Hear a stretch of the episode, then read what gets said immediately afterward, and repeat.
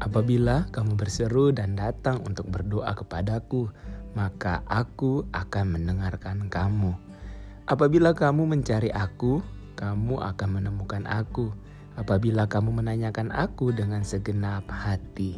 Mungkin makin dewasa kamu mulai ngerasa kalau semua yang kamu ceritain ke orang-orang terdekatmu, mereka belum tentu bisa ngertiin perasaan kamu, posisi dan keadaan kamu. Iya nggak sih? Saat mereka nggak bisa mengerti, udah pasti kita kecewa dan sakit hati. Dan mulai deh kita pelan-pelan simpan perasaan kita. Mulailah kita pelan-pelan ngerasa nggak dimengerti. Dan akhirnya kita memilih untuk diam dan gak cerita lagi sama mereka. Semua masalah pasti kita simpan sendiri dalam hati kita.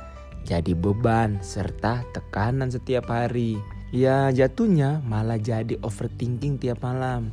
Tapi jangan pernah lupain ya, kalau kita ada satu pribadi yang selalu mengerti keadaan kita, yaitu Yesus Kristus. Dia selalu mengerti keadaan kita. Dia yang selalu mengerti lebih dari yang lain. Dalam Yeremia 29 ayat 12, Tuhan bilang kalau kita datang dan berdoa kepadanya, dia akan mendengarkan kita. Maka dari itu kalau lagi sedih atau terpuruk jangan lari ke hal-hal dunia. Tapi berdoalah. Kalau kamu lagi di fase nggak baik-baik aja, ya nggak apa-apa, wajar kok. Kamu pasti ngerasain musim yang berbeda-beda.